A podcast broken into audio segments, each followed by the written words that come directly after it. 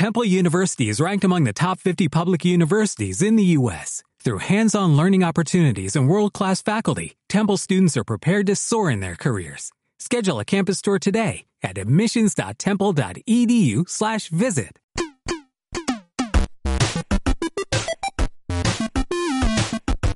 Freaky on Air.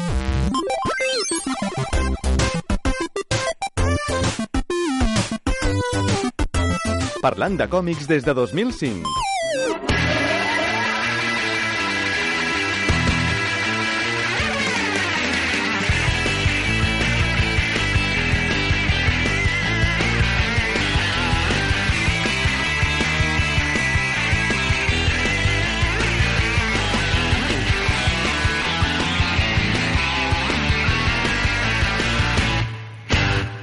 Hola, bon dia, bona tarda, bona nit. Ja sabeu, depèn des d'on ens escolteu i a quina hora ho feu, perquè això és Freaky On Air, el programa de còmics que fem des de Ràdio Ciutat de Badalona per a les emissores de la xarxa.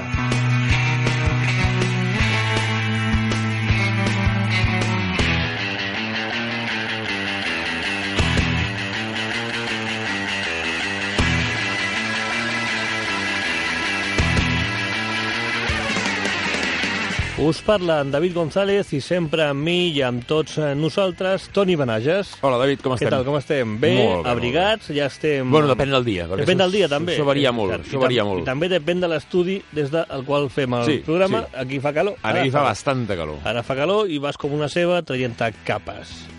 És el que hi ha. És el que hi ha. És el, és el que hi ha.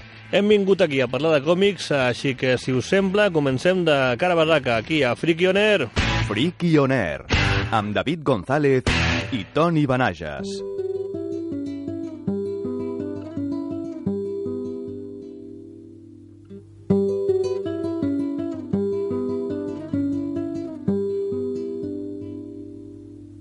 Te recuerdo, Amanda, la calle mojada, corriendo a la fábrica donde trabajaba Manuel. La sonrisa ancha, la lluvia en el pelo, no importaba nada, ibas a encontrarte con él, con él, con él, con él, con él. Son cinco minutos, la vida es eterna en cinco minutos. Suena la sirena, de vuelta al trabajo, caminando lo iluminas todo, los cinco minutos te hacen florecer. Te recuerdo, Amanda. Comencem aquesta nova edició, aquest nou capítol de Freaky On Air, programa dedicat a la crítica de còmics, amb Los 12 nacimientos de Miguel Mármol. ¿Qué te parece el título? Me gusta mucho. M'agrada molt, m'agrada molt, m'agrada molt aquesta entrada tan seriosa que m'has Sí. posat ara. Los Pim, 12 nacimientos de Miguel Mármol. Y sale ahí un puño cogiendo un cuchillo, una azada, no se acaba de ver lo que es, y un campo de... Un cultivo, amapolas, y un volcán al fondo. Preciós. Això ho publica Estiberri, és una obra total de Dani Fau, autor basc, um, que sorprèn amb aquesta obra. Havia destacat en l'humor gràfic i també havia fet il·lustracions de caire fantàstic. Um, I ara ens porta aquesta, aquesta novel·la gràfica, així que això sí que podem dir novel·la gràfica, tapa dura, um, que explica la vida de Miguel Mármol, eh, que és un dels noms importants eh, dintre del naixement del moviment marxista o comunista més eh, ben dit a, a El Salvador, eh, que com molts altres eh, països sud-americans van viure una època convulsa a principis mitjans del segle passat, amb tots aquests moviments influïts també pel que passava a Rússia, i el Miguel Mármol el, té una vida peculiar. Aquests 12 naixements que diu el títol, en realitat, són 12 vegades que va estar a punt de morir. I que, per sort, per casualitat, o potser per la mà de Déu, no va acabar morint, no? I d'una o altra manera eh, va tornar a néixer, no? De vegades són morts eh, o més accidentals. La primera és quan és un nadó que té 3 mesos només, és un accident, un, un accident, literalment. Domèstic. I d'altres, doncs ja tenim aquí a policies feixistes que el torturen, atemptats, terratrèmols també, vull dir, eh, diguem que la seva vida no va ser fàcil, no? una vida, com, com podeu imaginar, de fugitiu, um, i que a la seva vida també vol ser reflexa d'aquest país convuls i també a tota aquesta Amèrica Llatina convulsa. No? De fet, en algun moment algú ha volgut convertir a Miguel Mármol en una metàfora de, del que és tota Amèrica Llatina, no? que sempre està reconstruint-se, morint i naixent d'alguna manera. No? Una obra um, molt, molt ben explicada, en tot, és una biografia en tota regla, del naixement fins al, fins al final. Tot i això combina molt bé la veu en off, eh, la veu del narrador amb el diàleg, no ets una cosa cansada ni passada com acostumen a ser algunes d'aquestes biografies, molt ben dibuixada, està en un blanc i negre eh, bé, molt, molt correcte, amb uns personatges molt ben dibuixats i molt, molt expressius, i sobretot amb uns paisatges, ara no agafo ningú, cap, eh, uns paisatges eh, naturals molt, molt ben dibuixats que la veritat és que són molt agradables. Cada capítol explica una d'aquestes morts, diguem-ne, no? o algun d'aquests eh, naixements. I tenim una història eh, que jo desconeixia totalment, com pots suposar, eh, d'aquesta illa on hi ha una sèrie de, de treballadors cada cop més ofegats per la burgesia. Hi ha algun partit polític més o menys podem dir-li progressista, però aquí el dilema és que um, diguem que la classe obrera mai té representació al poder, no? que hi ha partits que suposadament els defensen, però són partits amb, les, amb persones que no són obreres. No? Aquest Miguel Mármol, amb una sèrie de, de, de companys, comença a organitzar-se, molt dificultosament, de fet mai acaba d'haver-hi un gran moviment comunista en, en, en, aquest, en l'illa, en aquest còmic, uh, s'ha d'exiliar diverses vegades, va a altres països també a implantar la llavor i explicar als obrers com es poden, com es poden organitzar per, per tenir èxit. I enmig de tot això la seva vida familiar amb les seves diferents dones, els seus fills, també té una vida dramàtica, té molts fills però molts moren també, alguns ell creu o ell assumeix que és per culpa seva, per estar eh, dedicat excessivament a la política i no, i no a la seva família, tan dedicat a la política que fins i tot ni menja en, en, en algunes ocasions. I bé, a banda d'aquí, doncs, tots els capítols que no, que, no, que, no, que no explicaré, de tortures, presons, persecucions polítiques, etc etc. Un còmic interessant, una figura que jo no coneixia, de fet no crec que sigui gaire, gaire coneguda, aquest Miguel, Miguel Mármol, i que està molt ben explicada en aquest còmic que ens, que ens publica, que ens publica Stiberri i que està inspirat en un, en un, en un text eh, literari que explica una, una miqueta més ampli que no només la vida de Miguel Mármol, és, és una de les parts d'aquest llibre, que està escrit per un periodista eh, que apareix al principi. Al principi hi ha la, el típic flashback en el qual hi ha una conversa amb Miguel Mármol i aquest periodista ja de grans que fan una miqueta d'acudits i ja coneixem una miqueta com és Miguel Mármol, porque en dos páginas ya hace un chiste de chicas, ¿no? És un chico mujeriego, és un senyor mujeriego i tal, i aquí coneixem una miqueta del personatge, no? No m'agrada molt gaire aquest principi, però trobo que després, quan comença i amarrenca amb aquests paisatges fantàstics del Salvador i amb el naixement eh, de, de, de Miguel Mármol, està, està molt bé. La primera pàgina és, la primera vinyeta, de fet, és aquesta imatge de l'illa on va néixer, i diu, Ilopango, El Salvador, tierra de volcanes i nuevas utopías cosa bastant Maco, bonica, maco. que marca una miqueta el to d'aquest còmic que està molt bé, realment és molt rodó i és un còmic molt, molt sòlid. De Dani Fao, publicat per Astiberri, com us deia, Los 12 nacimientos de, de Miguel Mármol, autor que no coneixia i també una història que no coneixia, així que molt, eh, molt interessant. Molt bé. Continuem i canviem una miqueta de registre. ¡Ciudad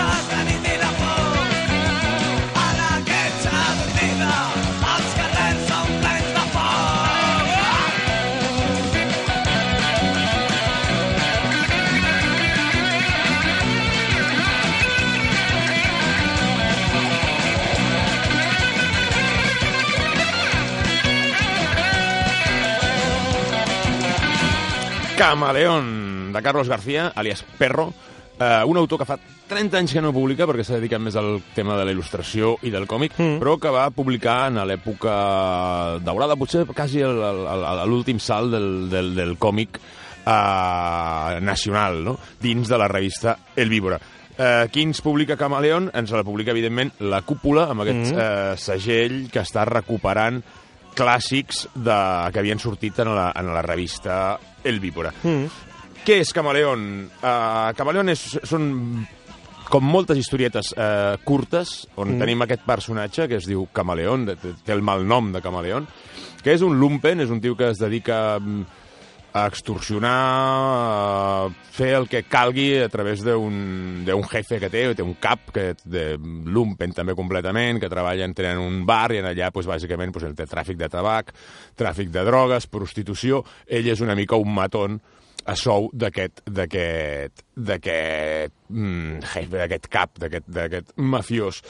Eh, són petites històries, molt petites. El, hi ha una introducció en aquest cos, mira, que de vegades el, ens queixem de que no hi ha... Sí, falta context. De vegades en aquests còmics que ens edita la Google ens, ens els edita tan a sac que no hi ha context. En aquest cas no, en aquest cas, a part de tenir les, les solapes amb, amb, amb, on ens expliquen qui és Carlos García, que és el- l'autor, a part d'això, a sobre tenim un pròleg d'una, dues, tres... Tres pàgines eh, grans, estem parlant mm -hmm. d'un format gran, no estem parlant del format petit, estem parlant d'un format eh, a, a, lo, a lo franco-belga, però amb tapa, amb, amb tapa, carton, amb, amb tapa tova, eh, doncs, eh, on Hernán Migoy, amb qui havia treballat, l'amic mm. Migoy, amb qui també havia treballat com a guionista en Perro, doncs ens explica una mica a la seva manera aquell estil de, que té el Migoya, eh, barrejant l'humor, barrejant eh, la conya i el sarcasme, ens explica qui és eh, Carlos García, qui és Perro i què és Camaleón. No? I fa una... Hi ha un moment que et diu una cosa que fa gràcia, parla de, de petits eh, haikus, no? que són mm. aquestes coses japoneses. Doncs sí, en el fons amb això té raó, perquè són petits episodis, petites pinzellades d'anècdotes de la vida d'aquest camaleón, però que en el fons ens van portant cap a una història que eh, acaba amb, amb, amb, amb un final. Acaba amb un final que aquí diu que és, és íntegre i, i això, suposo que això és, potser no va sortir en el... Jo crec que va sortir una recopilació en grap en el seu moment, ara no ho recordo, però eh, jo al final no el recordava, l'he rellegit, l'he rellegit tot, la veritat, i aquest final, que surt com a epíleg, surt a part, no, no el recordava. Bé, són històries molt dures, molt a barris baixos, mm. molt seques, i amb un dibuix i una narrativa espectaculars. La narrativa és molt visual, hi ha moments que potser fins i tot, si no ens estem molt al tanto, ens perdem detalls de coses que poden passar al darrere o a primera fila, o de... perquè els detalls són molt petits. Pot ser un passe d'una papelina de cocaïna eh, a mà, que després tot això fa que, que, que aquella prostituta acabi com acaba, per dir de manera, no? I ell, en el fons, té certa moral, encara que sembli que no, eh, no és tan canalla com Torpedo, per dir de manera, però tampoc és una bona persona, ni molt menys, no? Eh, el dibuix és un blanc i negre Molt espectacular. potent el dibuix. Sí, que hi ha moments que em recorda, a més, eh, un, un estil molt madur d'entrada, mm. i que em, em recorda per un cantó a, a Andrea Pacenza i per l'altre el, el, el Wish, Wish, Wish, Wish, Wish, no sé si dir-lo mai, el de Pinocho, com es diu? Uh, no me'n recordo, sí. Wish, Wish Brush, No, és- bueno, és que també va publicar. impronunciable, sí. sí. Té un estil que ens barregen aquests dos i també el, el, el, el, el blanc i negre aquest tan, tan, Mm. tan potent que Tan ens, ens, va, més, ens sí. va molt bé per aquesta història noir. Ambientat en una Barcelona que també, com tot, eh, la veiem a pinzellades, veiem petits detalls, Mm. perquè no hi ha grans eh, escenes, no hi ha grans paisatges, al contrari del que explicaves tu abans, Mm. tots són com petitets detalls, pa- pa- plans de talls, contrapicats, utilitza molt el canvi, els canvis de plans, i eh, tot això passa en, aquest, en aquesta Barcelona, per això també la cançó de, de Ciutat Podrida, que realment mm. és una ciutat completament putrefacta de, de, de corrupció, de màfies, etc etc. Eh, molt recomanable mm, i molt bé eh, reeditar eh, aquest còmic La Cúpula. Té una, una portada espectacular. La portada jo és molt xula i el molt color xula. es crida molt l'atenció, la veritat, és molt maco. I, I al darrere té la portada que havia sortit Mm. mm. en el seu moment, jo crec que en aquest recopilatori, que no me'n recordo si es deia en Brut Comics, no me'n recordo de l'edició que treia la cúpula, que era, Mm. mm. era amb grapa, però eh, jo crec que han encertat posant aquesta nova il·lustració amb aquests colors que són molt potents, on, on, on ja ens dona una mica aquesta idea de, de, de personatge decadent, on ell mateix hi ha un moment que sempre es, es, veuen els, es veu reflectit en el mirall, com en Mm. la portada, i ell té una cicatriu, Aleshores, ell de, té moments de reflexió interna a lo Marlowe, a lo, mm. a lo Schaller, aquests, aquests autors clàssics, no? I diu, aquell del...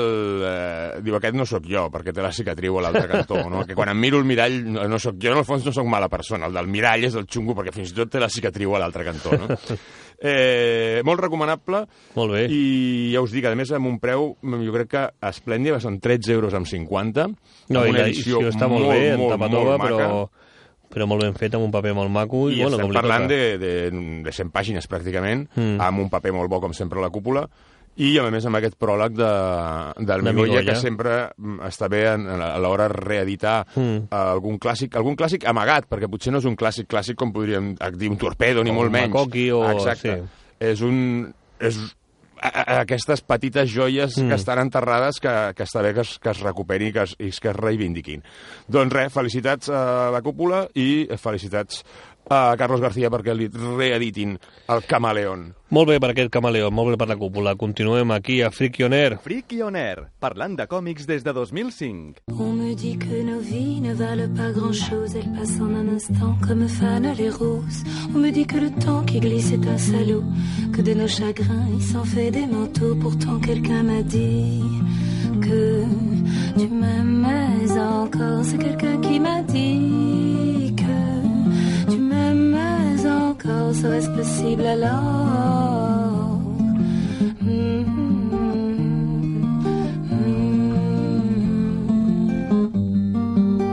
On dit que le destin se moque bien de nous, qu'il ne nous donne rien et qu'il nous promet tout. Paraît que le bonheur est à portée de main, alors on tend la main et on se retrouve fou. Pourtant quelqu'un m'a dit que tu m'aimais encore. C'est quelqu'un qui m'a dit tu m'aimais encore. Serait-ce possible alors? Hmm, Serait-ce possible alors? Mais qui est-ce qui m'a dit que toujours tu m'aimais? Je ne me souviens plus, c'était tard dans la nuit. J'entends encore la voix, mais je ne vois plus les traits.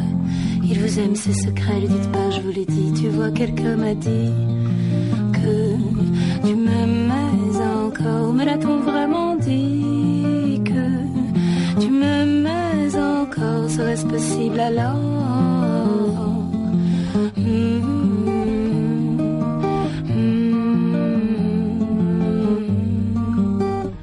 On me dit que nos vies ne valent pas grand-chose, elles passent en un instant comme fanent les roses. On me dit que le temps qui glisse est un salaud, que de nos tristesses il s'en fait des manteaux. Pourtant quelqu'un m'a dit que tu m'aimais encore. C'est quelqu'un qui m'a dit que tu m'aimais encore. Serait-ce possible alors?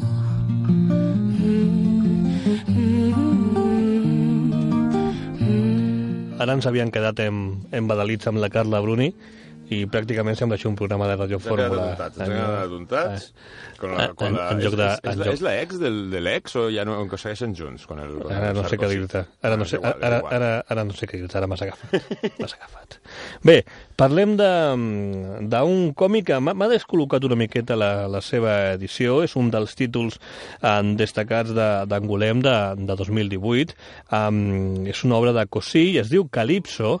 Um, publicat, posa aquí, col·lecció novel·la gràfica, i no acabes de veure en joc qui l'ha editat exactament, no? Perquè novel·la gràfica no acaba de ser una editorial, el site té logo, fins i tot, NG, novel·la gràfica, i llavors buscant, buscant, doncs, eh, Dolmen Editorial. Ho hem trobat aquí als crèdits, eh, noms coneguts, evidentment, i al final eh, Dolmen Editorial. No sabíem, o jo desconeixia que tenia aquesta línia, no sé si és nova, tampoc hi ha, tampoc hi ha context, per tant, eh, ens ha agafat una miqueta així. Bueno, això dic que, que cosa no és que guanyés en aquesta obra, sinó que va ser el Premi Honorífic d'Angolem de l'any passat. O sigui, que aquest any és Richard Corben, doncs Mhm. l'any passat... És, és un autor que jo crec que aquí no s'ha publicat excessivament, és un, actor, un autor que a França té diverses sagues d'aquestes d'aventures i tal, molt, molt mítiques, i aquí no sé si s'ha publicat exactament massa, però cosa Mm. mm. allà és, molt, és un dels, dels, dels grans de la, de la BD franco-belga, no? Mm. Doncs, eh, en tot cas, sigui com sigui, sigui va sota el segell que sigui, molt bé pel Dolmen, per publicar aquest còmic, que és un noir francès en tota regla, clàssic. Um, jo crec que feia temps que no tenia un, un noir d'aquestes característiques, amb un dibuix d'aquests uh, de carboncillo i tinta de clàssics, uh, i que serà un, un còmic uh, bueno, que farà les delícies dels amants d'aquest eh, d'aquest gènere, no? Eh, té una ambientació molt maca. Calypso és una pel·lícula protagonitzada per una estrella de Hollywood um, i és una miqueta el leitmotiv d'aquesta història que tiro enrere comença amb uns miners en un poble, gente ruda, eh, gent gran, el protagonista és un, és un senyor gran que no vol jubilar-se mai, no?, perquè és un home d'acció, i un dia estan a la, a la cantina, no?, bevent més del compte, i surt a la peli, la, surt a la tele la pel·li aquesta de Calypso, que és una pel·li antiga, no? I apareix aquesta gran, bueno, aquesta dona, aquesta actriu, que fa de Calypso, que fa de sirena, i que evidentment està molt bona. I aquí doncs hi ha uns comentaris pujadets de to sobre la noia i el senyor s'enfada molt. S'enfada molt i, ni, i ningú sap per què. Aquí passa alguna cosa, no? S'enfada l'abuelo. Aquí s'enfada l'abuelo. Bueno, aquí es descobreix que aquests, aquesta parella d'aquest aquest senyor, el minero i el, la sirena, van tenir una història platònica eh, de, de petits, no? que es va veure troncada per l'aparició d'un productor de Hollywood que va quedar eh, embadalit per la figura d'aquesta noia i se l'en va portar y aquí empezó pues, pues una vida de perdición hollywoodiense, ¿no? Mare una, una American Babilonia d'aquestes. Um, què passa? Què passa? Que, de sobte, apareix una revista del poble eh, ¿qué fue de ellos? Aquestes típiques seccions de ¿qué fue de Emilio Aragón, no? per exemple, pues, què fue d'esta senyora? I aquí, doncs, el senyor li, li comença a picar una miqueta la, la curiositat i recuperar aquesta, al final de la seva vida, recuperar aquesta xispa, no? Doncs resulta que està en un geriàtric, en un geriàtric eh, molt amagat a la muntanya amb un doctor una mica estrany. Ai, ai, ai. Un doctor una mica estrany que, a més, li controla els comptes i no la deixa sortir perquè li diu que està molt fluixa, li fot una medicació, i com aquesta noia doncs, ha tingut problemes amb l'alcohol i amb les drogues, doncs li va deixar els comptes al seu càrrec, no? Llavors, comencen a sospitar que aquest eh, metge els, els fa una miqueta trampa amb la, amb la pasta i la, i la, la senyora li comenta al, al, al xicot, que ja no és un xicot, i el que l'acompanya, que és un company de feina que li ajuda una miqueta amb el transport i a tal, a, um, a simular un segrest. Simular que la segresten i demanar uh, el rescat al metge.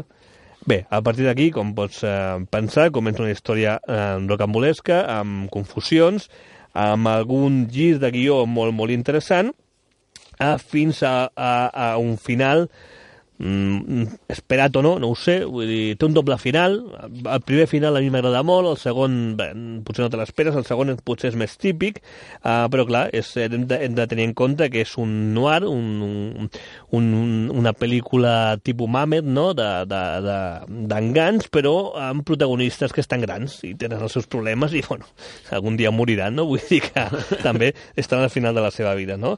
Llavors, um, l'aventura va un ritme molt, molt xulo realment, a mi em recorda en algun moment um, el, el Ripley antic, el Ripley de la Lent de l'Hom, per exemple, hi ha algunes escenes marítimes, per exemple, molt, molt importants en, en la trama que em recorden a, a aquella pel·li, a pleno sol, em sembla que es deia la pel·li, la versió antiga, i després tenim, després d'aquest primer final, mira, surt fins i tot Barcelona, Sagrada Família, mira. Güell, Sempre fa gràcia. Sí, Ens sempre, un sempre, còmic de fora. Sí, sempre fa gràcia. Doncs després d'aquest primer final que tanca una miqueta el, el rotllo més policia, que entre cometes, tot i que hi ha poca policia en aquest còmic, eh, hi ha un segon final una miqueta més, més personal, potser més íntim, més que indaguen els sentiments del protagonista, i que torna a acabar un altre cop amb, un, amb una escena, mm, diré d'acció, tot i que no s'acaba de ser d'acció, però torna una miqueta a aquesta trama, no?